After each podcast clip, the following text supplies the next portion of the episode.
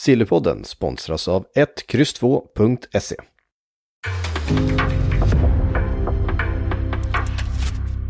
En podcast från Aftonbladet. In the supermarket, you have eggs class 1, class 2, class 3. And some are more expensive than others, and some give you better omelets. That's the wrong information. Wrong, wrong, wrong information. I didn't say that. That's the wrong information. Do you think I'm an idiot? Wrong, wrong, wrong information. Now look at me when I talk to you. Your job is to tell the truth. That's the wrong information. Sillypodden eh, tillbaks den här mörka, mörka december, eh, ja förmiddag än så länge, det är antagligen eftermiddag när ni lyssnar eh, som tidigast. Eller så har det hunnit bli helg, vem vet. Aubameyang tänkte jag att vi skulle börja prata om eh, Makoto. Det, det har liksom skurit sig kan man säga mellan Arteta och Aubameyang och frågan är vad som, vad som händer nu. Han sitter på långt kontrakt, han har hög lön, han är rätt, inte supergammal men han är ändå eh, något till åren kommen. Vart ska han ta vägen? Vad händer? Ska han vara kvar? Kan de lappa eh, och laga de här eh, sprickorna som uppstått mellan honom och, och ledningen? Alltså det är ju fascinerande hur Arsenal sätter sig i en Mesut Özil 2.0 situationer. Mm. Alltså med förlängningen, där vi pratade om förut, att det går att diskutera i efterhand, var det rätt sett till det sportsliga? Nu har vi ju hamnat i en annan situation där han alltså öppet blir av med kaptensbinden, officiellt och allting. Eh, Arteta säger att han är liksom bedrövad över den liksom situation som har uppstått. Aubameyang själv har inte uttalat sig så vitt jag vet hittills liksom i det här läget. Eh, för er som undrar vad vi pratar om kan jag rekommendera kollega Big Sams utmärkta nyhetsdokument som finns, eh, finns på sajten. Kan ni gå in och läsa som redogör för hela, hela processen, vad det faktiskt är som har hänt här. Eh, men det är ju då frågan, kommer han lämna? Men då är ju problemet här att det blir väldigt svårt att få honom såld. Såklart slentrianryktet på att Barcelona vill ha honom dök upp så fort det liksom, ja det hade skurit sig. Eh, men de kommer inte ha pengarna, Aubameyang vill inte gå ner i lön allt för mycket. Det var ju det som var diskussionen också när han skulle signa nytt med Arsenal. Där han ju fått en bra lön, får man väl säga. Ja, verkligen. Nej, men där, där kommer de i sådana fall hamna i en sån här Alexis Sanchez Manchester United situation då Arsenal kommer få betala i stort sett hela hans lön men skickar iväg honom bara för att han inte ska förlora för mycket värde för att eh, man vill inte ha kvar honom. Det eh, blir ett gift på något sätt. Och ehm, det, för att det på sikt ska öppna för möjligheten att, att ta sig ur den situationen helt enkelt som man har hamnat i. Det, ehm, det är ju enda som är, det är enda alternativet för Barcelona eh, om de skulle liksom plocka in honom. Och de har ju annat prioriterat på dagordningen just nu och andra spelare de tittar på. De ska ha. Haaland. det, det roliga är att det faktiskt på riktigt diskuteras seriöst om Haaland. Det diskuteras inte seriöst med Haaland. In- Det, det kan det inte göra för det finns noll procents chans att de har råd med, med, med den värvningen. De har ju inte ens råd att men- betala Raiolas eh, liksom Ja men det var ju det Raiola-mötet var till för, för att bygga den relationen för att kanske, ja men kan vi betala av, liksom avbetalning på klausuler till Raiola? Nej jag vet inte. Sen var det väl i och för sig Ajax högerbacken Madraoui som har utgående kontrakt som kanske var aktuell i de diskussionerna också, men Haaland är på riktigt liksom fortfarande på tapeten. Eh, även om det är helt osannolikt, men jag tänker ju snarare på namn som, vi kommer in på dem senare, vi kan ta dem då. Eh, men ja, vart ska han? Juventus behöver en forward, de kommer såklart dyka upp i det här också, men samma där, de kommer inte vara intresserade av att betala den lönen för en äldre spelare i det här läget. Vad man, kan man tänka sig i alla fall, de tittar ju på lite mindre namn också. Eh, och då blir ju problemet, ska man försöka lappa ihop det för att spela Aubameyang för att faktiskt få ut någonting av att det är fortfarande Även om han inte levererat så mycket så vet vi vilken enorm högsta nivå som finns där. Vi vet vad han kan göra, vi vet vad han har gjort. Eh, det kanske är det bästa för laget egentligen än att gå igenom en ny Özil-situation där han får sitta hemma och titta framför tvn och skicka positiva meddelanden på sociala medier till gänget liksom. Det går ju inte. Nu är det en annan sak också att han har blivit av med en kaptensbindel. Det gör det också otroligt mycket mer intressant. Men vi ska komma ihåg, Granit Xhaka blev kvar. Granit Xhaka är till och med en av kandidaterna till att få tillbaka bindeln efter det här. Så att, eh, ja det, Det hade ju varit parodi ändå. Ja fast jag tycker också att de andra namnen som har dykt upp har varit något parodiska också. Nu är ju frågan vem ska ta över dem, vi går in på den frågan. Så verkar det ju vara som att många tror att Martin Ödegård kommer få den. Eh, för att han har visat jättemycket ledaregenskaper och sånt. Det känns ju inte alls så orimligt tycker jag. Ja, jag, jag, jag är allergisk mot det här med att spelare som bara varit där i något halvår får en kaptensbindel. Men det beror på vilken position de har tagit. Det, det där, jag, det jag är allergisk mot är att den, den bästa spelaren automatiskt ska ha äh, kaptensbindeln. Det köper inte jag överhuvudtaget. Det, ty- jag, jag tycker att, att vara kapten är en specifik uppgift. Eh, och och så där hamnar ju jättemånga, jag menar, eh, Lionel Messi, kapten i Barcelona. Eh, Den var ju helt uppenbar dock tyckte jag. Ja, ja, men han var ju liksom Ja. med marginal bästa spelaren. Men var han den bästa kaptenen? Var han verkligen det?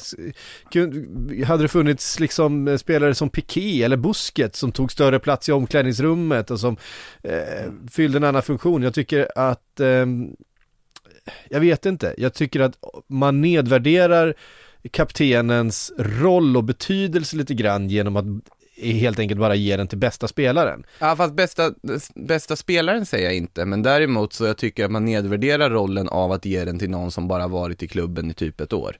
Jag tyckte det var jättekonstigt om, alltså jag tyckte att Harry Maguire utnämningen i United var underlig på att han, jag tycker han har varit där för kort tid. Jag, jag tycker ju verkligen om sättet Real Madrid jobbar på med kaptensbindlar. Att det verkligen är hårt. Den som varit längst i A-laget har bindeln. Ja, fast Och det har den, den hierarkin, vilket har gjort liksom, du bygger led, de har varit i klubben, de kan klubben bäst, varit där längst. Det är ju därför Marcello fick en kaptensbindel och var vice efter Ramos där ett tag och sen blev, nu för tiden är första kapten i Real Madrid. Eh, Karim Benzema som fick bindeln och växte med den på ett helt annat Jag, sätt. jag håller inte med. Jag, håller jag, håller, jag håller inte alls med. Jag tycker, att, jag tycker att de som har bäst egenskaper, de som är bäst lämpade för kaptensuppgiften, att på ett sätt representera, men också vara eh, en slags Ja men mittemellan tränaren och övriga laget, en, en kapten ska kunna hålla ett, ett, ett inspirerande teamtalk i omklädningsrummet. En kapten är den som ska ta diskussioner med domaren, en kapten är den som ska liksom representera eh, den här elvan. Och det kräver liksom speciella ledaregenskaper som absolut inte är den bästa spelaren. Så här, eh, Steven Gerrard kallades för Captain Fantastic liksom i, i Liverpool, han är en giv, jag menar en mer given kapten Mm. Nej, men kan han har ju också hitta. varit- men, ja. men, var han, den, var han så bra som kapten? Ja, han var ju uppenbarligen den bästa spelaren. Eh, men också lite introvert, lite eh, sådär, inte alltid den, eh, den alltså, jämfört då med Jordan Henderson nu, Jordan Henderson är inte bästa spelaren i laget, men utan tvekan eh, rätt kapten tycker jag. Jag tycker inte Mohamed Salah ska vara kapten i Liverpool. Det, det, jag, jag tycker att det finns en funktion eh, i, det, i det mandatet Mm. som, som jag tycker man ska tillva- ta tillvara på. Absolut, men där tycker jag också att då tycker inte jag att man ska ta en spelare som varit där i typ ett halvt år eller ett år. Eh, att, Nej, det, så, så kan ja, det vara. Om det där- inte är extrema fall som... Eh, Som i Arsenal-fall nu då till Ja exempel. men där man typ som, som, typ som i Arsenals fall där det inte finns kanske en Eh, ja men när Koscielny var, var, var kapten till exempel, eh, utmärkt val, han var en ledare, han var en förgrundsfigur, han var klippan i det där försvaret, nu skadade sig på slutet visserligen, Ja. men, men han var ju inte Arsenals bästa spelare för det, för det var ju liksom Alexis Sanchez eller, eller Jo, jo. Mesut Özil och så vidare. Men det är en skillnad. Men, men det tycker jag var, var Ja. så, så, så ska man vara som kapten. Man ska definitivt vara en, en, en regular starter, det är viktigt att man är på planen. Ehm, Ja, jag skulle säga att i Arsenals fall, om man tittar på det här de har, Mm. eh, Kieran Tierney. Kieran Tierney, eh, definitivt eh, eh, kaptensmaterial. Du har inte så mycket spelare som har varit där så länge. Det är det som är problemet där också, att det är ju svårt att liksom Bukayo Saka lyfta upp honom, det blir också lite konstigt liksom i det här läget, även om man är från egna leden och Men jag minns att när det pratades om eh, De Ligt till exempel till Manchester United, när Manchester United led av det här, led, eh, Ja. brist på ledarskap och så vidare, eh, och man visste inte, men de hade kunnat få in De Ligt som då var lagkapten för Ajax som 19-åring, typ. Han har ju liksom en, en del i hans styrka som fotbollsspelare är ju hans ledaregenskaper, hans förmåga att, eh, att styra och ställa, hans förmåga att kommunicera med sina lagkamrater, att höja dem, ehm, och så vidare. Eh, men också liksom att ställa sig på en scen och representera det här laget, att, att prata med supportrar, att prata med, med reportrar, att göra allt det där, att vara också liksom ett ansikte utåt, inte för klubben men för eh, spelargruppen. Men sen är det också väldigt svårt att veta och se vad det är som sker inne i ett omklädningsrum. Det kan vara vissa spelare som är väldigt introverta utåt sett men sen liksom inne i omklädningsrummet, inne på träningsanläggningen där inte vi ser. Precis. Så har de en helt annan, jag vet att Thiago i Atletico, den gamla mittfältaren, när han var, han syntes ju inte mycket eller hördes mycket utanför planen. Men tydligen var ju han en av de som var allra mest vokala och starka liksom i liksom det slutna. Mm. Och det är ju en viktig aspekt man inte vet om. Vi vet ju inte liksom till exempel hur, hur Marcello är som kapten liksom på sidan av när man inte ser någonting. Det är ju väldigt svårt att veta. Och så är det ju med många spelare. Sen, sen finns det ju vissa som är tydligare än andra. Sen känner jag ändå att kaptensbindeln ska äras så pass för att den representerar klubben. Och då ska du ändå ha varit där ett tag. Det är en ganska kanske gammalmodig sätt att se på det.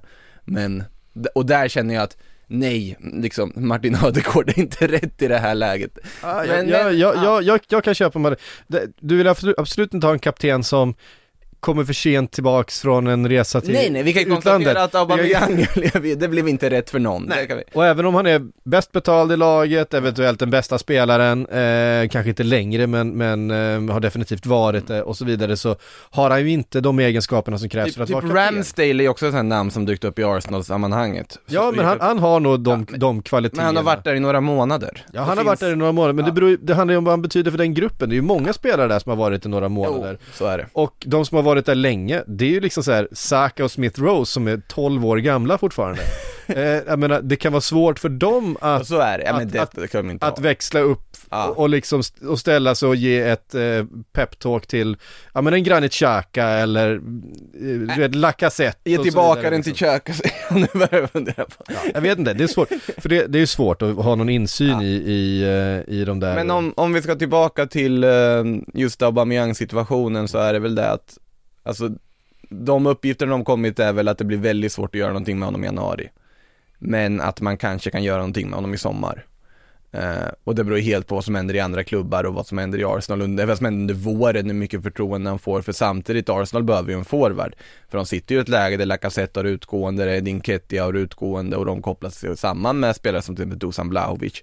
Nu får vi väl se vad det blir av det där och det är ju ganska många andra klubbar som vill ha honom.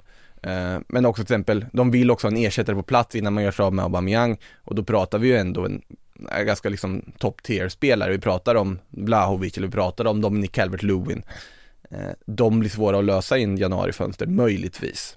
Med Arsenals ekonomi just nu. Mm. Från Arsenal är steget till Alexis Sanchez inte så långt, är du. Nej det är det inte, han var ganska bra i Arsenal. Han var, han var, i alla fall i början. eh, jo men han var bra. Ja, det Eh, var han väl, det var väl hans bästa period liksom. Ja, han, var, väl- han var ju bra överlag i, i Arsenal, det var faktiskt när han, när han gick till Manchester United som det gick åt, eh, gick åt skogen. Det var pianot, det var pianot. Det var pianos fel. Eh, tillbaka till Barcelona han också då. på lån. Uppges av Sport vara aktuellt samtidigt som Luc de Jong då lånas ut till Inter. Vad ska, Och- in, vad ska Inter med Luc de Ja, Jong det kan man, ja som backup till Dzeko eh, gissar jag på. Eh, De gillar ju att spela med någon form av target forward. Eh, Dzeko har funkat ganska bra där måste man säga och Inter går väldigt bra. Eh, här känner jag att många har ju skrattat åt den här, liksom när det här ryktet, är Barcelona på den nivån, att de tittar på Alexis igen liksom, 32 år gammal. Det här är inte dumt. Jag tycker inte det, alltså sett i var Barcelona sitter, det här är inte korkat överhuvudtaget. Alltså Alexis, är, han har varit helt okej i Inter på sistone, han har ändå spelat upp sig, det är fortfarande en bra fotbollsspelare. Att få in honom där, en andra chans i Barcelona med rutinen han har och så vidare. De behöver en ytter. Jag tycker inte det här är så korkat som man kan tro. Eh, och sen dessutom då Luke de Jong kan vi bara glömma att de faktiskt värvade honom. Eh, man lider ju lite med stackaren som ändå liksom går dit till det här Koman-laget på lån där på deadline day. Eh, och sen, och sen därefter liksom, ja, alltså gör inte ens ett mål, blir helt råpetad, blev tvingad och, Xavi blev tvingad att spela honom här nyligen och sen så, ja, blev det som det blev. Xavi, Xavi håller ju på att försöka bygga någonting där i, i Barcelona. Ferran Torres sägs vara prioriteringen i alla fall. Eh, även om det pratas om Alexis Sanchez och Aubameyang och eh, allt möjligt. Ja, det är ju så att alltså Alexis grejen här, den här, det ska ju finnas någon sorts ut mejslad lösning. Eh, men att det enda som fattas är ett OK från Xavi och det där OK verkar nog inte dyka upp baserat på att Xavis stora prioritet, hans nummer ett som han vill ha in är Ferran Torres. Det är ju liksom Manchester Citys unga landslagsspanjor som skulle kunna vara en del av det här nya Barcelona, en långsiktig lösning och drömvärvning för Barcelona sett till vart de är nu. Och dessutom en spelare som verkar vilja gå till Barcelona för speltid, de verkar vilja vara en del av det här Xavi-projektet. Eh, det ska ju finnas en personlig överenskommelse klar sedan ett par veckor tillbaka, men att allting nu handlar om att förhandla med City. Där City då, de vill ju ha ja, någonstans närmare en halv miljard för honom i transfersumma, att alltså dubbla då där de investerade i honom. Eh, lite sänkt, eh, vad heter det, begärt pris från vad det var tidigare. Men då är det ju så att City ändå är öppna för att denna betalning av denna halv miljard kan ske på lite olika sätt, lite olika tider, lite olika uppdelningar och så vidare. Och det är ju det som ska mejslas ut på något sätt att Barcelona ska försöka lösa hur överhuvudtaget de ska ha råd att lägga en halv miljard på en fotbollsspelare just nu och på liksom när de ska betala av det för att det ska passa med mm. liksom lönebudgetar och så vidare och så måste de ju frigöra kapital i form av ja om det så är Filippe Coutinho eller Osman Dembélés kontrakt som är på väg ut så man, vi får väl se vad som händer med det Umtiti som de vill bli av med, men som inte vill gå någonstans och som de inte får något intresse för. Benfica är väl att värva honom, Umtiti vägrar i princip gå ner i lön så att han sitter ju där och bara cashar in just nu utan att Barcelona får, får honom såld. Och sen Frenkie de Jong ska det vara ganska tyst kring också som de ändå varit öppna för att sälja. Mm. Uh, i alla det fall. är ju en spelare som man verkligen hade kunnat se.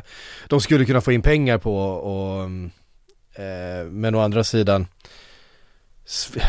de kan ju inte sälja liksom den kvaliteten de ja, fast, sitter på. Fast Frenkie de Jong har ju jag vänt i den frågan. Alltså där har jag ju vänt till att jag tycker faktiskt att det här kan låta, det kan vara Alltså som att svära i kyrkan för Barcelona-fans, men Alltså att Gavi, Nico och så vidare har slagit igenom att Pedri, jag har varit inne på det förut, att Pedri har gått så bra att de har en ganska det bra bredd Det sägs som att Gavi kan vara på väg också, att de... Eh... Ja, fast vad är det, det är fichaches.net som hittar på sådana uppgifter, de här, vad heter de, El Nacional och det här gänget.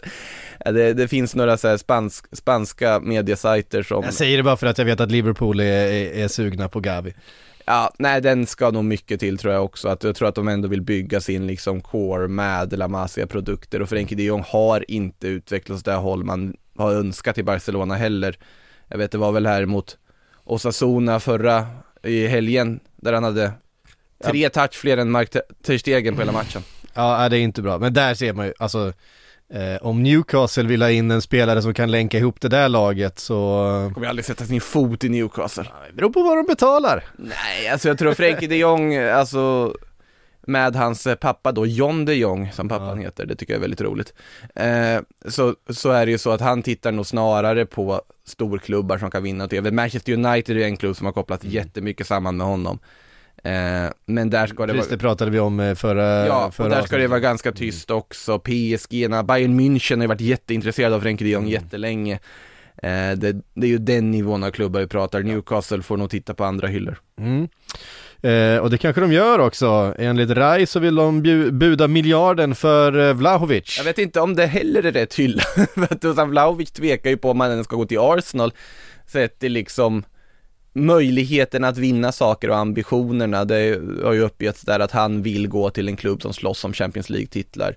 Mm. Eh, och om man ska gå till den nivån, ja då är det av de som uppger så är det väl bara City och möjligtvis Juventus som, är, som skulle kunna vara aktuellt. Det är väl inga andra klubbar som, som är direkt i ett budkrig om honom eller liksom nämns i koppling till honom just nu så där, som skulle slåss om. Jag tycker inte Tottenham hör till den kategorin heller riktigt samma tvivel borde finnas över Tottenham som det finns över liksom Arsenal. Eh, men alltså, ja, Newcastle, jag har väldigt svårt att se att hans nästa steg ska vara att gå till Newcastle. Även om Fiorentina säkert inte skulle kunna säga nej till en miljard, nu när de har höjt priset lite, lite i smyg här. Eh, så jag tror att vi får gå ner ännu en hylla på Newcastle för att de ska hitta något. Jag vet mm. inte om det finns något i körschemat, någon, ännu, ännu en längre hylla ner. Eh, vi får se ifall vi kommer dit. Eh, ja, det är inte, inte någon forward, men det pratas om Nat Phillips då, Liverpools femte mittback är han väl vid det här laget. Eh, som ju var väldigt duktig och, och, en stor anledning till att Liverpool till slut kunde rädda den här tredjeplatsen blev det ju förra säsongen när han fick komma in och släcka bränder när resten av alla, alla mittbackar gick sönder. Um, är ju en, är ju en fin spelare eh, någonstans. Det är ju inte riktigt kvaliteten för den högsta hyllan såklart. Men eh, gjorde lite Champions League-inhopp, eh, spelade mot Milan nu, stod för en fantastisk sulfint i eget straffområde. och, eh, och det hyllades såklart. Men det roliga med den sulfinten är ju inte att det, det är någonting som aldrig har gjorts förut av andra mittbackar. Det, det, roliga, är, det, det roliga är ju att det är just Nat, Nat Phillips som gör den. Eller en eh, en Cruyff-fint med sulan var ju, eh, vilket var helt fantastiskt. Han, han lurade både Kessie och Ibra eh, med den. Eh, fantastiskt, ni får ju kolla upp den. Eh, som sagt, det, det är inget, inget eh, häpnadsväckande egentligen, men just att det är Nat Phillips. Så kanske då för någonting för Newcastle, och även West Ham har varit intresserade. De behöver ju fylla på, de har ju så mycket skador på sina backar. Han är ju väldigt tydlig också med att han faktiskt vill lämna. Och jag tycker, han säger det ändå på ett väldigt liksom proffsigt sätt med liksom all respekt och så vidare, men han säger jag måste få speltid. Jag fattar ju själv att eh, med den konkurrensen som är i Liverpool just nu så är möjligheterna till att få mycket speltid väldigt, väldigt små.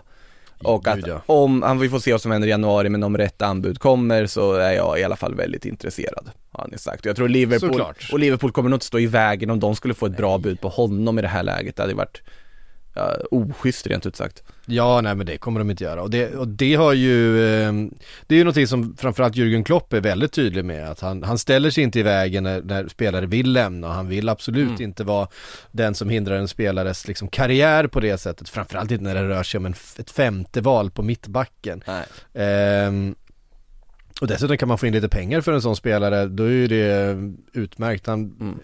eh, menar, han har fina fysiska egenskaper, han är stor och stark och han kommer gå in med, eh, med full kraft i alla nickdueller eh, på planen. Det, det är ju så han är. Sen är det klart att han inte är en, ehm, eh, ja, han är inte speciellt snabb, han är kanske inte den mest tekniska, han kanske inte har passningsfoten framförallt som, eh, som krävs för en, liksom, en toppklubb. Men eh, för att komma in och släcka bränder, eller vara en, var en, en ganska viktig, nyttig del i ett lag som, eh, som West Ham eller eh, eh, Alltså som komplement. Ja, Eh, Inte som någon sorts försvarsledare, nu pratar vi Nej, som nej, ett nej. komplement. Ja. Eh, som, ja, men som ett komplement, I, i Newcastle har han gått in faktiskt och höjt nivån, det, det, det skulle jag Mm. eh, nog säga. I, Inte så i West, svårt i West Ham hade han kunnat gå in och vara en, en pålitlig eh, Mm. ersättare till de spelarna som är, eh, som är skadade just nu. Ja.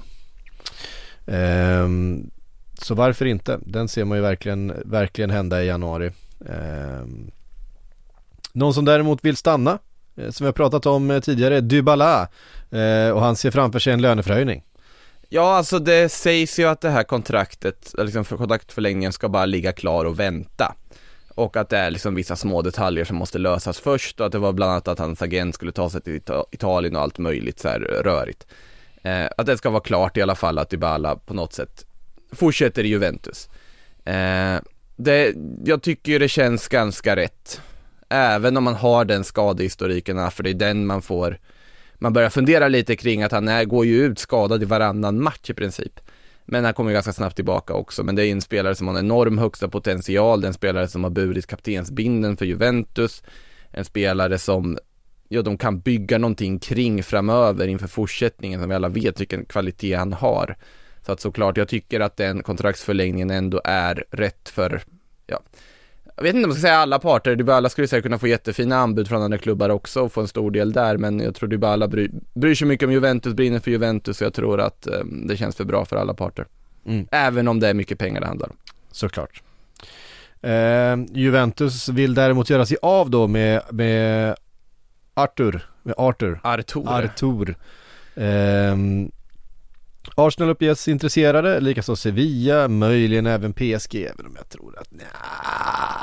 Det känns som en, det känns lite PSG-varning på en sån värvning, men då skulle det vara på typ fri transfer när hans kontrakt går ut och där är vi inte nära än. Nej. Eh, Artur, den swappen, alltså Artur Pjanic med facit i hand, var verkligen en swap där alla gick förlorande Ja. på alla sätt. Det var ingen som kan vara glad över den. Ja, det, Barca balanserade böckerna marginellt. Ja, det gick ju bra.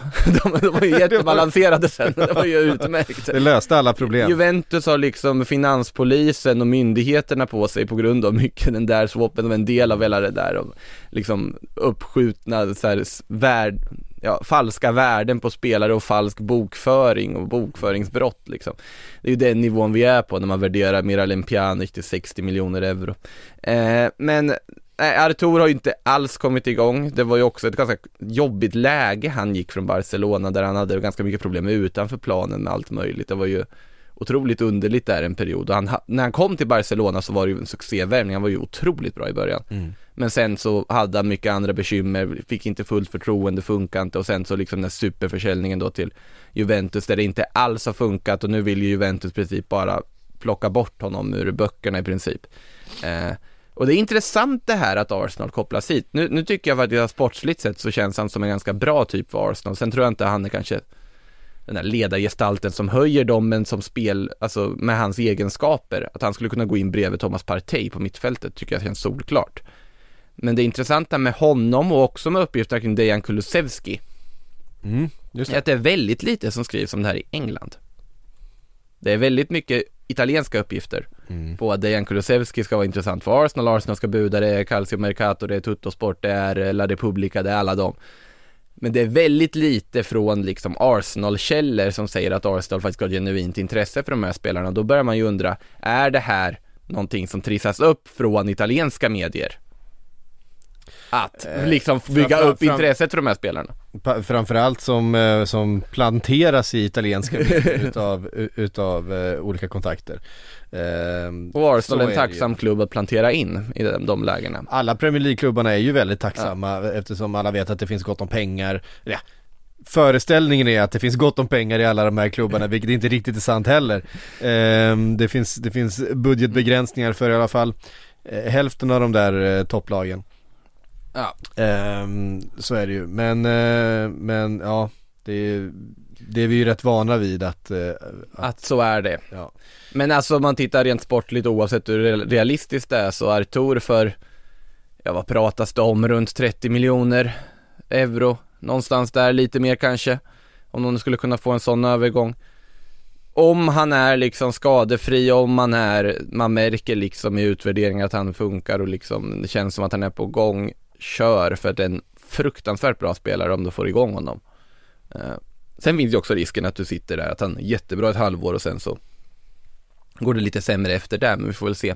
Eh, Juventus verkar i alla fall bli av med honom, han har ju en ny agent och så vidare också som ska försöka liksom att iscensätta någonting den här vintern, det gäller väl också Bernadeschi som, som har samma agent och det, det finns ju lite, de vill ju möjliggöra också att kunna gå för lite nyförvärv och bygga om det här laget på något vis utan att behöva ja, ta till eh, blufffakturer och eh, förhöjda värden på spelare på ett eller annat sätt.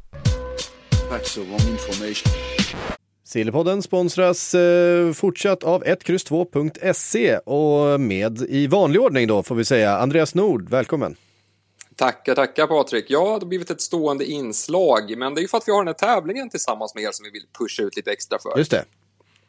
Hur går det nu då? Jo, men det går bra. Det är många som har varit med och tävla och ni har ju chansen igen, alltså att tävla om den här drömresan värd 10 000 kronor. Men veckovis så kör vi också ut matchtröjor och halsdukar. Jag vet inte hur det har gått för dig Patrik, har du vunnit någonting? Nej, det har inte gått så bra än så länge. Ehm, Ah, Jag tar nya tag. Jag är inne där och, och, och vevar, men jag, jag, jag orkar inte ens gå igenom hur, hur få rätt jag haft än så länge. Men det, det, det har inte varit ny, många. ny chans till helgen i alla fall. Ja, för det är nya matcher här nu Mm. mycket fokus på Premier League. Så allt man behöver göra det är att gå in på vår hemsida 1plus2.se och gissa resultatet i några matcher då. Så har man ju chansen att tävla om det här. Ja, eh, utmärkt och det är helt kostnadsfritt. Eh, och 1, 2 ska man då, eh, .se ska man veta, är ju inte en betting-sajt utan det är speltips eh, och rek och så vidare. Och sen så har vi då eh, vår tävling. Och jag tänker att du, du brukar alltid sitta på en massa bra rek. Har du något eh, speltips till helgen? Ja, men det har jag. Jag har hittat ett spel i Premier League och lördagens match mellan Leeds och Arsenal. Ett Arsenal som jag tycker har gjort eh, några riktigt imponerande insatser här på slutet. Vann ju senast mo- mot West Ham med 2-0 Precis. på ett övertygande vis. Så det var en bra insats där. Leeds å andra sidan kommer ju från den här katastrofinsatsen mot eh, Manchester City, eller vad ska man kalla det? Ja, Patrik? herregud vilken överkörning och de har ju tunga skadebekymmer i Leeds också. Ja, så jag, jag gillar Arsenal-sidan här och eh, vinst där får man just nu till 2,15 gånger pengarna, vilket jag tycker är riktigt bra. Så det kommer jag spela. Ja, fint. Och fler eh, speltips finns det på 1X2.se och där finns också tävlingen. That's the wrong information. Insigne. Det är en spelare vi inte har pratat så mycket om de senaste eh, åren i de här sammanhangen i alla fall. Han Eh, ju upp då och då till Tottenham-ryktet och allt det där brukar ju. det har ju varit, inte varit mycket att hänga granen om man ska säga så i ryktesväg. Nu eh, eh, ja, verkar kontraktsförhandlingarna med Napoli ha, ha strandat helt enkelt. De är långt ifrån varandra enligt eh, agenten. Och, eh, Insigne kan ju vara en dark horse i ett sånt här silly fönster som kan dyka upp och, och bli en riktig prestigevärvning faktiskt för, eh, för en klubb någonstans. Han har hunnit fylla 30 den eh, gode Neapelsonen, Mm. eh, lagkapten, hjärta, eh, brinner för sitt Napoli, har varit iväg på några lån men i övrigt varit klubben trogen liksom. Eh, och så har han ju ett kontrakt som går ut i sommar. Eh, och där är det ju en lite jobbig situation nu. De Laurentiis har ju sagt tidigare att han, eh, alltså vad heter ägaren där i Napoli då, den karismatiska ägaren om man får säga så, eh, har ju sagt att det ligger ju hos Insigne och hans entourage att liksom bestämma sig hur de vill göra för de ska ha fått ett erbjudande på ett fyraårskontrakt med då, ja, och då är det väl de ekonomiska detaljerna eh, som kanske inte riktigt eh, överensstämmer med vad eh, Insigne och hans eh, representant önskar sig ur den här liksom nya kontraktet. Och då har ju då agenten snarare sagt att ja men det här bollen ligger snarare i De Laurentis hörn att får komma med ett bättre bud här och faktiskt visa att ni vill behålla den här spelaren. Förlåt, min, min dator började låta här. jag vet fan vad det var. Oklart. Eh, men, eh, nej men så att det, de är ju en bit ifrån varandra och då är det ju så att varenda Serie A-konkurrent kommer ju hugga ifall de får möjlighet. Inte Såklart. är ju superintresserade. Såklart. Eh, såklart. Juventus borde vara intresserade, allt annat hade varit orimligt. Eh, för det är ju en, en jättefin spelare, vi såg ju vad han gjorde i EM, vi ser ju liksom vilka enorm kvalitet han har. Eh, och Tottenham har ju han kopplat samman med också tidigare, jag vet inte riktigt vart han, jag skulle väl gå in då med Son och Kane där framme i 3-4-3 hos Conte på något sätt då. Men alltså det är en jättefin spelare och det, Napoli behöver ju lösa det här och man får ju hoppas sett till historiken de har tillsammans att det här kommer lösas på ett bra sätt. Och att det inte blir något jobbigt breakup för det tycker jag inte att en sån spelare i Napoli förtjänar. Nej, verkligen. Jag vill ju att han ska, jag vill att han ska till England och sen så, nu, nu fabulerar jag fritt här men det är Ja. för att jag, jag har en hel, jag, jag har en hel, eh, jag har en anledning till det. Mm. Jag vill att han ska till Brighton, vilket ju såklart inte kommer hända. eh, och så vill jag att Tarek Lamptey ska byta kant. För då hade vi, då hade vi kunnat få det kort, den kortaste eh, sidan i alltså, ja, Insigne 1,63 och Tarek Lamptey 1,63. Det är de två kortaste fotbollsspelarna i Europa, måste det vara. I Europa är det, jag minns det finns en, finns en argentinsk lirare, jag vet inte hur aktiv han är idag, jag tror han var i mexikanska ligan, han- Diego Bonanotte. Eh, 1,59 tror jag han är. Eh, värvades till eh, till Real Madrid på ett FM för väldigt länge sedan från, men sen har han harvat runt där borta. Han var väl en sväng i Europa också för mig. För Giovinco har lagt av va? Eller hur? Giovinco häng, har han lagt av? Han spelar i Al Hilal nu för tiden efter sin tid i, i, i det. Toronto. Han är också 1,63. Eh, så de är lika korta de här eh, killarna. Men, Men- jag vet inte. Det, Men är du, är du liksom också så här för att, eh, på samma sätt som du tycker om långa målvakter, vill du ha korta yttrar? Nej absolut inte. Jag hade bara tyckt att det var kul. Ja, det var bara Det var mest att jag häromdagen noterade att Tarek Lamptey var, var, var så kort och så googlade jag vem som, om det fanns en kortare så kom jag på, ja men Insigne måste väl vara där någonstans och så såg jag att de var lika korta. Eh, Diego Buonanotte spelar i Chile nu för tiden i uh, Universidad Católica, bara en sån sak. 1,57 är han. Eh, Då måste vi kolla hur lång Ryan Fraser är. Han är väl lite längre va? Han är väl någon centimeter längre. Ja men, Eh, han är också 1,63. ja, men han men är då inte du kunnat få, då, 1,57. då har du kunnat sätta upp, sätta upp Insigne eh, på vänstertopp då, så spelar vi en 4-3-3. Eh, och sen så har vi, och så får eh, Lamptey byta kant. Då har vi liksom vänsterback, vänsterytter och en vänsterforward eh, där alla är 1,63. Och sen Dan Burn på det. Det, det är så här jag tycker sportchefer ska jobba, de måste väl göra det lite kul för oss. det, det, men ett experiment där ingen får vara över 1,63 på vänsterkanten. Hade inte det, alltså ser, seriöst, Tarek Lamptey, eh, Ryan Fraser och eh, Insigne hade ju inte varit en dålig vänsterkant. Nej, alltså den hade ju funkat, det hade varit en, eh, alltså, Den hade varit rivig så att säga. ja alltså Insigne bara så har du ju liksom uppgraderat det rejält på så vis. Ja, men gud ja, han har ju varit liksom klart bäst av de tre såklart. Men Men, eh, men eh, ja, eh, jag, jag, jag är för den typen av lagbyggen. Ja utan tvekan, det, det förstår jag. Ehm, Martial. Han är inte så kort Men han kan vara på väg bort eh, Från Manchester United har han varit jättelänge. Det har ju alltid ju pr- pr- pratats om eh, att Martial ska lämna. Han verkar sugen på det, han får inte så mycket förtroende. Eh, Det finns såklart spelare före i, eh, i ordningen eh, I Uniteds anfall. Det pratas om Atletico Madrid, det pratas om Juventus Ja, det är väl de klubbar som har dykt upp i alla fall om man har sett där. Atletico tyckte jag var intressanta med att uppgifterna gjorde väldigt tydligt gällande att det handlade om en swap deal. De var intresserade av att byta till sig Martial. Med, Ja, det är det som är frågan. Eh, det, alltså jag vet, eh, jag spontant släng, slängde ihop en lista där i Silly-bloggen på vilka alltså det skulle Uni- kunna vara. United har ju länge varit sugna på Kåke. Det har ju pratats Ja, men om det, i, alltså, i, de byter ju inte bort Kocke mot eh, Martial, det hoppas jag inte att de kan vara så, de, de, de famlar ju Atletico just nu. det Ja, men alltså kul. varför de ens överhuvudtaget vill ha Martial förstår inte jag, varför de ens överhuvudtaget tittar på anfallare eller spelare som på något sätt gör någonting offensivt, det är ju helt utanför min liksom, jag, jag kan inte greppa det. För att de har Luis Suarez, de har Antoine Griezmann, de har Korea, de har Joao Felix, ja i alla fall nu för tillfället. Eh, Det sista de behöver är väl en central forward, men de verkar inte riktigt veta vart de ska med det här bygget just nu. De verkar famla i någon sorts mörker. Eh, och det, alltså det enda jag kan tänka mig som på något sätt skulle, som är någorlunda troligt att Atletico skulle kunna tänka släppa och som United överhuvudtaget någorlunda skulle kunna tänka sig ta, så hamnar jag på två namn. Och då hamnar jag på Kieran Trippier. Mm. Det hade inte varit dumt, eh, en uppgradering på Jag förstår inte varför Atletico skulle göra det, men Trippier har ju ändå ett lä- läge där han, de kanske vill casha in beroende på Newcastle ska ju vara jätteintresserade av Trippier också och ha honom ganska högt på dagordningen inför det här fönstret. Eh, där de då skulle kunna ekonomiskt sett övertala Atletico att sälja. Hur är det, han skadad just nu eller? Eh, nu ska vi, det var en väldigt bra fråga vad han är just nu. Han har ju varit lite från, han hade ju den här bettingavstängningen en period som var, ja, den går ju att diskutera och den diskuterade vi till och med då i, det- när, när det begav sig. Nej precis, han var ju inte med då i Champions League senast va? Eh, nu står det still. Nej det tror jag inte han var mot, eh, eh, mot Porto. Nej det var en icke, ska vi se, när spelade han senast egentligen? Var han med mot Real? Var han det? Ja, den står det helt still om han var eller om det var Nu förväntar jag mig att du bara, nej han var inte med mot Real heller.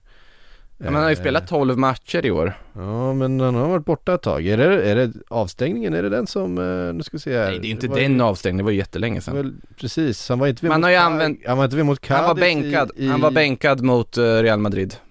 Han var det, men då är han kanske tillbaka från en Han har ju skada. använt Marcos Llorente som högerback där en hel del också. Mm. Eh, för att som sagt, de famlar just nu. De vet inte riktigt vart de är på väg med vad de håller på med. Ett annat, annat namn som jag skulle kunna tänka mig där är ju Joffrey Kondogbia. Eh, men jag förstår inte heller varför Atletico skulle vilja släppa honom, för det är ju en sån här nyttig truppspelare, kan spela både mittback och liksom defensiv mittfältare, men det är en spelare som skulle kunna göra nytta i United. Eh, och sen har vi typ såhär Hector Herrera och sånt där, men jag tror att varför skulle United vilja ha Hector Herrera? Det är ingen uppgradering på eh, Fred och McTominay. Nej. Eh, och sen så har vi ju så här bubblaren Joao Felix. Men var... Jag menar nej! Nej, Vad ska de, alltså ska de sk- skicka Martial och få in Joao Felix? det, det, precis, det finns ingen rim och reson i det. Men United verkar ju av någon anledning fortfarande ha vissa anfallare i ögonen, typ Haaland, typ... Eh, Jo, jo, men det är en sak om du får in Haaland, för då kan du peta vem som är, alltså då, då, ja, då, alltså då Joao Felix kommer inte gå till United, finns inte på kartan. Det, Nej. därav bubblar eh, epitetet på det. Nej. Men alltså det enda som ser... Fin- Haaland är så här, får du, får du tillgång till Haaland så tar du Haaland. det, är bara, alltså- det är bara så. Trippier känns ju mest rimligt, så kan man säga. Ja, och Om det de hade ju varit en skulle- kanonvärvning för eh, Manchester United just nu tycker jag. jag tycker att en, Ja, ja. En, en sak som de verkligen har saknat är ju offensiva kraften på, på ytterbacken eh, på höger sida. Mm. Alltså Fan-Bissaka kan glidtackla sig hela vägen eh, ner på avbytarbänken i sådana fall. Eh, för Trippier är, är liksom en annan nivå, tycker jag. Ja, alltså Trippier hade varit jättebra värvning tycker jag också. Alltså det är det enda som finns logiskt. Alltså det roliga med de här uppgifterna var väl Eurosport som hade dem. Eh, var ju just det här att de specificerade aldrig vilka det var som ville byta Atletico, men det var, det var väldigt tydligt att det var ett bytesaffär de ville göra. Eh, för om de ska värva Martial, oklart för mig varför de överhuvudtaget skulle vilja göra det. Eh, då kan vi ju också räkna med om han skulle komma in, då rä- lär ju Joao Felix ryka. Sen har ju Martial dykt upp på Juventus-radarn som du nämnde också, men Juventus har även andra anfallare. Mauro Icardi som vi nämnde förra veckan. Mm, det. väldigt oti... Ja. Alltså väldigt rimliga, uppenbara saker att de funderar på att ta in honom på lån. De har velat ta Mauro Icardi hur länge som helst. Nu, nu har de ju chansen att få det när han har gått ner sig något. Uh, Gianluca Scamacca ska vi såklart slänga in igen som på, på lite så här slentrian. Nu har han ju ändå levererat tycker jag under den här våren i Sassuolo. Uh, skulle kunna vara något också som, som de kan lösa med någon sorts lån med köpoption lösning likt de gjorde med ja, en spelare som Chiesa eller som Locatelli. Eh, så att vi får se vad det landar i, men någon anfallare kommer de ta in. Eh, om man känner Juventus nu för tiden rätt, eller Juventus på 2020-talet, så kommer det ju vara så att vi pratar som spelare som jag typ Vlahovic, det pratas om Martial, det pratas om allt möjligt. Och då kommer det sluta med att de på något sätt funderar på att låna in Luke de Jong från Barcelona vid liksom deadline day. Det är ungefär där jag känner att vi kommer hamna, men vi får se vad Juventus sysslar med och vad, vad Allegri vill ha in där. Mm. Verkligen. Ska vi ta och svara på lite frågor eller? Hade vi något mer på körschemat som vi var sugna på? Nej, vi slänger in lite frågor. Kristoffer, eh, är det jag som låter igen? ja, det är bara du som har en dator här. Ja, precis. Jag lyckas inte stänga av ljudet. Eh, Fått en fråga från Kristoffer Bamford. Eh, vad tror du om Patrik Schick? Han hade ett bra EM och gör det lika bra som Haaland i Tyskland. Han har haft en kanonhöst verkligen. Det pratas inte om honom alls. Själv hade jag gärna sett honom i Chelsea att kriga och utmana där, men inte tillräckligt stort namn tror jag. Jag tror att en grej med Patrik Schick är att, som klubbar ändå drar lite öronen åt sig, att han har varit runt lite grann och han har inte riktigt funkat överallt. Eh, Alltså Leverkusen har varit perfekt för honom. Leverkusen har varit perfekt, men vi har också sett andra spelare där Leverkusen har varit perfekt och de har lämnat och inte levererat. Eh, Jovic till exempel. Ja nu Frankfurt. Ja han var i Frankfurt, förlåt. Eh, men, men i, i, eh, i klubbar där, där det har funkat och de har sett jättebra ut. Eh, nu blandar jag Bundesliga-klubbar bara, bara i, i farten här. Men, men, eh, men jag menar, han var i Roma, det blev ingen succé han var tvungen att anpassa sig en del i Roma, fick ju spela lite ur position där, visserligen. Leipzig-lånet var inte dåligt. Det var inte dåligt, men det var ju liksom, det var okej. Okay. Det var inte så här, nu drar vi till Chelsea och, och krigar med Lukaku bra. Ja, och Bayer Leverkusen fram tills han började ösa in mål nu var väl okej. Okay. Ska väl också säga att det är ju nu han har haft en sån här superutväxling här under sista säsongen, skulle jag i alla fall analysera det som, och sen hade han ju ett väldigt fint eh, EM också jag får lite Sebastian Allaire känsla, alltså så här, eh, han ju, gör ju supersuccé i Ajax nu, han bara vräker in mål, framförallt i Champions League. Men jag menar, han var ju också ganska nyligen i West Ham och där vräkte han fan inte in några mål och där Nej. var han ju eh, absolut ingen succé. Eh, så att, jag menar Kom ihåg att Timo Werner kastade in mål på skoj i Bundesliga. Nu, nu nedvärderar inte vi Bundesliga som liga utan det är snarare så att vissa, det, det han, nej, nej, men det handlar vissa om, spelare handlar, passar i vissa ligor. Ja, de är inte bara ligor men kanske behöver ett specifikt system för att funka, kanske behöver en, mm. en, en miljö, kanske det kan vara ligan, det kan också vara laget, det kan vara liksom den sociala situationen, vad vet jag. En del kanske tycker att det är jättejobbigt att behöva vara tvåa till en eh, Romelu Lukaku och behöva kriga om den positionen istället för att vara eh, i, i eh, Tyskland där man är tydlig etta och man får vara liksom spela ut och man får spela i ett system som verkligen passar en. Och då kan man, kan man leverera världsklasssiffror. Ska sägas att han också bara är 25 fortfarande. Ja. Så att det kan ju också vara det som är att han har utvecklats. Ja, men det, och det är ju nästa del i grejen. Det kan ju vara en anledning för andra eh, mm. förlag att titta på honom. Det kanske är så att han börjar närma sig sin peak nu. Han kanske har nu börjar hitta en nivå i sitt spel som man bara inte fanns tidigare. Eh, för uppenbarligen har man ju sett att det har funnits talang i honom, att han har varit en, jag menar, han har varit en av de mest omtalade liksom anfallarna eh, sen han var väldigt ung. Mm. Han kallades väl en av de liksom, största talangerna när han värvades till Roma så var det väl en, var det en supergrej minns man att han skulle komma dit och, och frälsa dem. Gjort det bra i Sampdoria innan där liksom som ung och det var sen, alltså jag, det är någonting som får mig att fundera, alltså så här, nu har han ju ett kontrakt till 2025 mm. Leverkusen lär kräva en bra slant för honom, men jag tror inte han är aktuell för klubbar idag. Alltså, alltså de vågar inte lägga den, den liksom så här investeringen här och nu tror jag. Precis. Uh, men det, det lär ju pratas om honom förr eller senare när andra anfallsalternativ försvinner. Han har ändå gjort 16 mål på 13 matcher i årets Bundesliga. Det är enormt bra siffror. Ja, uh, så att uh, det, det, blir, det hade varit kul att se honom i, i Premier League eller Liga någonting. Ja, jag, jag, tror att han, jag tror inte han ska, alltså det är inte läge att lämna nu känner jag. jag Nej, det är måste, sommaren i sånt fall. Han måste hitta, hitta den här formen och känna sig redo för att, ja, jag vet inte. Det där är, det där är lite lurigt. Ehm, faktiskt. Men jag menar ta Allaire nu till exempel, han är 27, vilket är en ålder då man brukar liksom hitta sin Mm. högsta nivå ungefär. Ehm, det kan vara mycket det, men också vi vet att Ajax är ju en miljö som får många spelare att, att lyfta.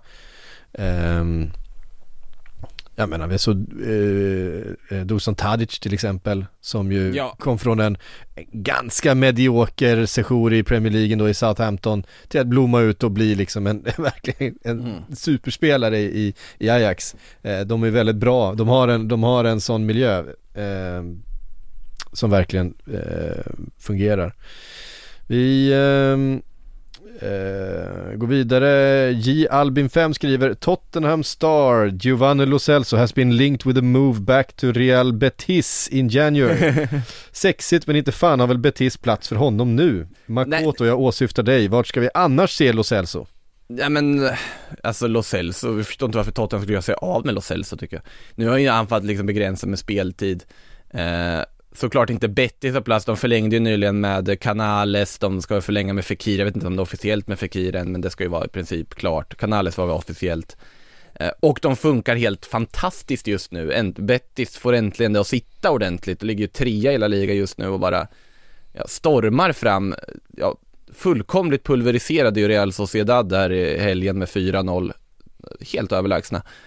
Eh, Nej, såklart det finns nog ingen plats för Los Celso och Guido Rodriguez där på mittfältet också som väl borde vara aktuell kan man tycka för, för Premier League-klubbar som borde titta på honom. Eh, men ja, var ska han annars gå? Los Elso? Eh, alltså det finns ju andra La Liga-klubbar som skulle ha nytta av honom om vi säger så. Men eh, jag tror inte han kommer röra sig från Tottenham i det här läget och det känns som att det är en mittfältare man snarare ska försöka få in och använda mer än vad man gör just nu. Mm.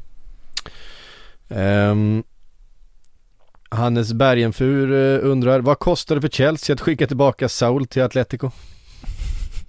Stolthet kostar det. Han spelade falsk nia ett tag igår, i slutet där när de jagade, jagade ledningsmål. Eh, stökigt, By, Mm. byttes in mot Marcos Alonso först som wingback också. På Det, tal om att famla. Ja, hur, fa- hur, alltså det laget som, som Everton skickade till Stamford Bridge, visst att, att Chelsea eh, inte har liksom haft bästa formen och att de också saknar lite spelare och så vidare men, men alltså Everton ställer ju upp med vad som inte ens kan räknas som ett ligacuplag. Eh, det, det var ju liksom, jag vet inte, var det 12 spelare de saknade från, eh, från A-truppen och sju startspelare, ja men det var något helt sjukt. Det var, ja, ju, de har ju, det var ju alltså, spelare jag inte hade hört talas om. ja, som byttes in och så, ja, men de tittar på liksom, de har ändå Gomes, Dokore på mitten, ja, John Joe Kenya, han, han dök upp där igen. Ja, John Joe Kenny som ju har varit med Hol- länge. Hollegate och Keane i försvar, Pickford i mål. Ja, så var det ju han, eh, Dollar Store Braithwaite, vad heter det, Branthwaite. Brandwaite, ja, precis. Så här, Fel, så här, type Men of Sims, Braithwaite. ja, men alltså det där är ju inte ett lag som ska åka till Stamford Bridge och hämta några poäng, men det gjorde de. Everton nu för tiden är väl inte ett lag i allmänhet som borde åka till Stamford Bridge och hämta några poäng oavsett vilka ordinarie lag de har ställt upp med, eh, som de har sett ut. Men, Ja, det är men det är, också så här, de. det, det är också så här, någonting som, men det där känns som att vi kan kliva ut här, vi vet att vi har absolut inget att förlora här. Vi har Nej. absolut inget att förlora. Det här är spelare som, men ta chansen. Alltså det, det är ju ett Mm. enkelt peptalk för Benitez. Fan ut och, ut och kör, ut och ta chansen. Fan spring på allt. Du vet, kriga till er, ta, få någonting mer, visa upp er. Ehm, och det gjorde de verkligen och spelade ju med en otrolig intensitet ehm, Everton i, i perioder, så det är klart att det ska studsa lite rätt och man ska ha lite Mm. sådär eh, Men eh, fenomenal insats verkligen utav det liksom verkligen decimerade laget. verkligen, verkligen, de tog ju för sig verkligen många av de här unga spelarna som fick chansen. Och då kan det bli så att Saul hamnar som falsk nia När Tuchel Nej, det- famlar, han har, han, han har inte riktigt några bra svar på varför formen har dippat så mycket som den har gjort eh, senaste tiden för det. Jag menar, går vi tillbaks en månad så såg de ju fan oslagbara ut i stort sett Det gör de ju inte nu. Nej, Det gör de inte nu. verkligen Eh, men utan att gå in för mycket på liksom Chelseas bekymmer. Uh, alltså Sauls bekymmer är att han har varit för dålig. Och det, det är ganska konstigt, alltså han, han lämnade ju i princip Atletico, vill lämna också för att han började ju experimentera som någon sorts wingback eh, också liksom. I, I Atletico som spelar vänsterback och höll på, fanns inte riktigt plats för honom och sen kom ju Rodrigo de Paul in till mittfältet och värvades och det har ju gjort att vissa har inte fått speltid liksom och så vidare. Konstigt, för han var ju så fruktansvärt bra för några år sedan, men eh, verkar inte riktigt ha hittat tillbaka. Och jag tror, jag vet inte vad det hade kostat, det hade säkert kostat en slant för eh, Chelsea på ett annat vis, men de hyrde ju också Saul, så att jag vet inte riktigt exakt hur, hur det skulle gå till då. Om de Nej, skulle. nej, ja. Det är väl lika bra att behålla honom bara ta smällen. Vi får ringa en controller eller någonting som får reda ut vad, eh, vart pengarna går fram och tillbaks. Sista frågan för den här veckan eh, kommer från Freddan. Vilka kommer, vilka kommer lån hen, vilka kommer låna Henderson och vilka kommer köpa Martial? Ja, Martial har vi pratat om men, men Dean Henderson, stackaren, sitter ju bakom en de Gea som jag hittat tillbaks till en eh, mycket högre nivå. Den, en nivå som i alla fall liknar det han höll för eh, några säsonger sedan eh, efter att ha haft ett par svagare säsonger då det faktiskt eh, pratades mycket om att Henderson skulle peta de Gea och att det var de Gea som var på väg Med facit i hand var inte den diskussionen tröttsam. Alltså, alltså var inte den lite opportunistisk på hur bra han hade varit? Samtidigt så är Henderson en alldeles för bra målvakt för att sitta, sitta som eh, andra Ja, för att slips. en bra, bra klubb, en toppklubb ska ha en andra slips som de verkligen kan lita på. Nu förstår jag för Hendersons del, Ja, han vill ju bort. Och det verkar ju väldigt tydligt att han vill. Det verkar och inte då, vara någon... då handlar det ju om ett lån. Ehm, Och Ajax har ju varit på tapeten och pratat om i och med att Edwin van der Sar har haft lite, han kan ju sitt United van der Sar som sitter i Ajax. Verkligen. Eh, och han har väl såklart på tal om målvakter. Precis. Så att det, det, den, det är ju den bästa rekommendation du kan få från liksom, van der Sar som såklart då vill ha Henderson och vet vilka kvaliteter han har, men jag vet inte riktigt Ja, men jag känner ju så här, jag menar visst Southampton har redan lånat, till, eh, lånat in Willy Caballero men eh, Willy Caballero är 40 och vi 40-åringar, vi, vi, vi har kanske gjort våra bästa säsonger. Eh, låna, in, eh, låna in Henderson då, Southampton. Nu vet jag inte hur eh, deras övriga målvakter eh, Det är väl McCarthy och, och så vidare Ja, Fraser, Fra, eh, Fraser Forster. eh, Fraser Forster ja, eh, lång så in i helvete. det är en målvakt du Eh, gillar Det är en målvakt jag gillar. Nej men han är ju, han är ju verkligen urtypen för en, en målvakt som passar mig. 2,01 lång, han väger 300 kilo. men du vet med ett nylle som bara en mor kan älska liksom. När han kommer, när han kommer fläskande på de där, på de där inläggen i full fart. Och sen, eh, eh, då flyttar man ju på sig. och sen, och sen namnet också på det, alltså som, som är liksom Fraser Forster. Ja det, det Ja, men det är som ju, taget ur en Buster-tidning ja ja, men han är, han är underbar. Men tyvärr inte jättebra längre. Ja, Det är väl Eh, McCarthy som är första valet liksom, men alltså, Ja, ja, var, varför inte då? Varför inte för Henderson? Du hade fått Ja, jag vet, det beror på lite, jag har inte, jag har inte fullt koll på hur skadesituationen är på de andra eh, målvakterna där Men det är klart, har man lånat in Willy Caballero för att täppa hålet Så kanske man hade kunnat täppa det hålet istället då med, med All, alla Henderson klubbar borde är bättre. alltid vilja plocka in Willy Caballero på kort basis. Det, det är ju min åsikt i det hela. Det, det, Ehm, Fint hörrni, eh, det var allt vi hann den här fredagen eh, Sillypodden är tillbaka nästa vecka igen eh, Det blir väl bara ett avsnitt då med tanke på att det är julafton och sådana här saker som eh, stökar till våra scheman eh, sånt ja. Men en, en Sillypodd ska vi i alla fall hinna med och en Premier League-podd dessutom eh, kommer på måndag. Eh, tills dess så sä- säger vi då trevlig helg och på Ryan Reynolds here from Mint Mobile. With the price of just about everything going up during inflation, we thought we'd bring our prices down. So to help us, we brought in a reverse auctioneer, which is apparently a thing.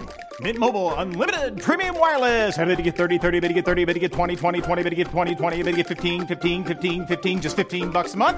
So, Give it a try at mintmobile.com slash switch. $45 upfront for three months plus taxes and fees. Promo rate for new customers for limited time. Unlimited more than 40 gigabytes per month. Slows. Full terms at mintmobile.com. återhörande.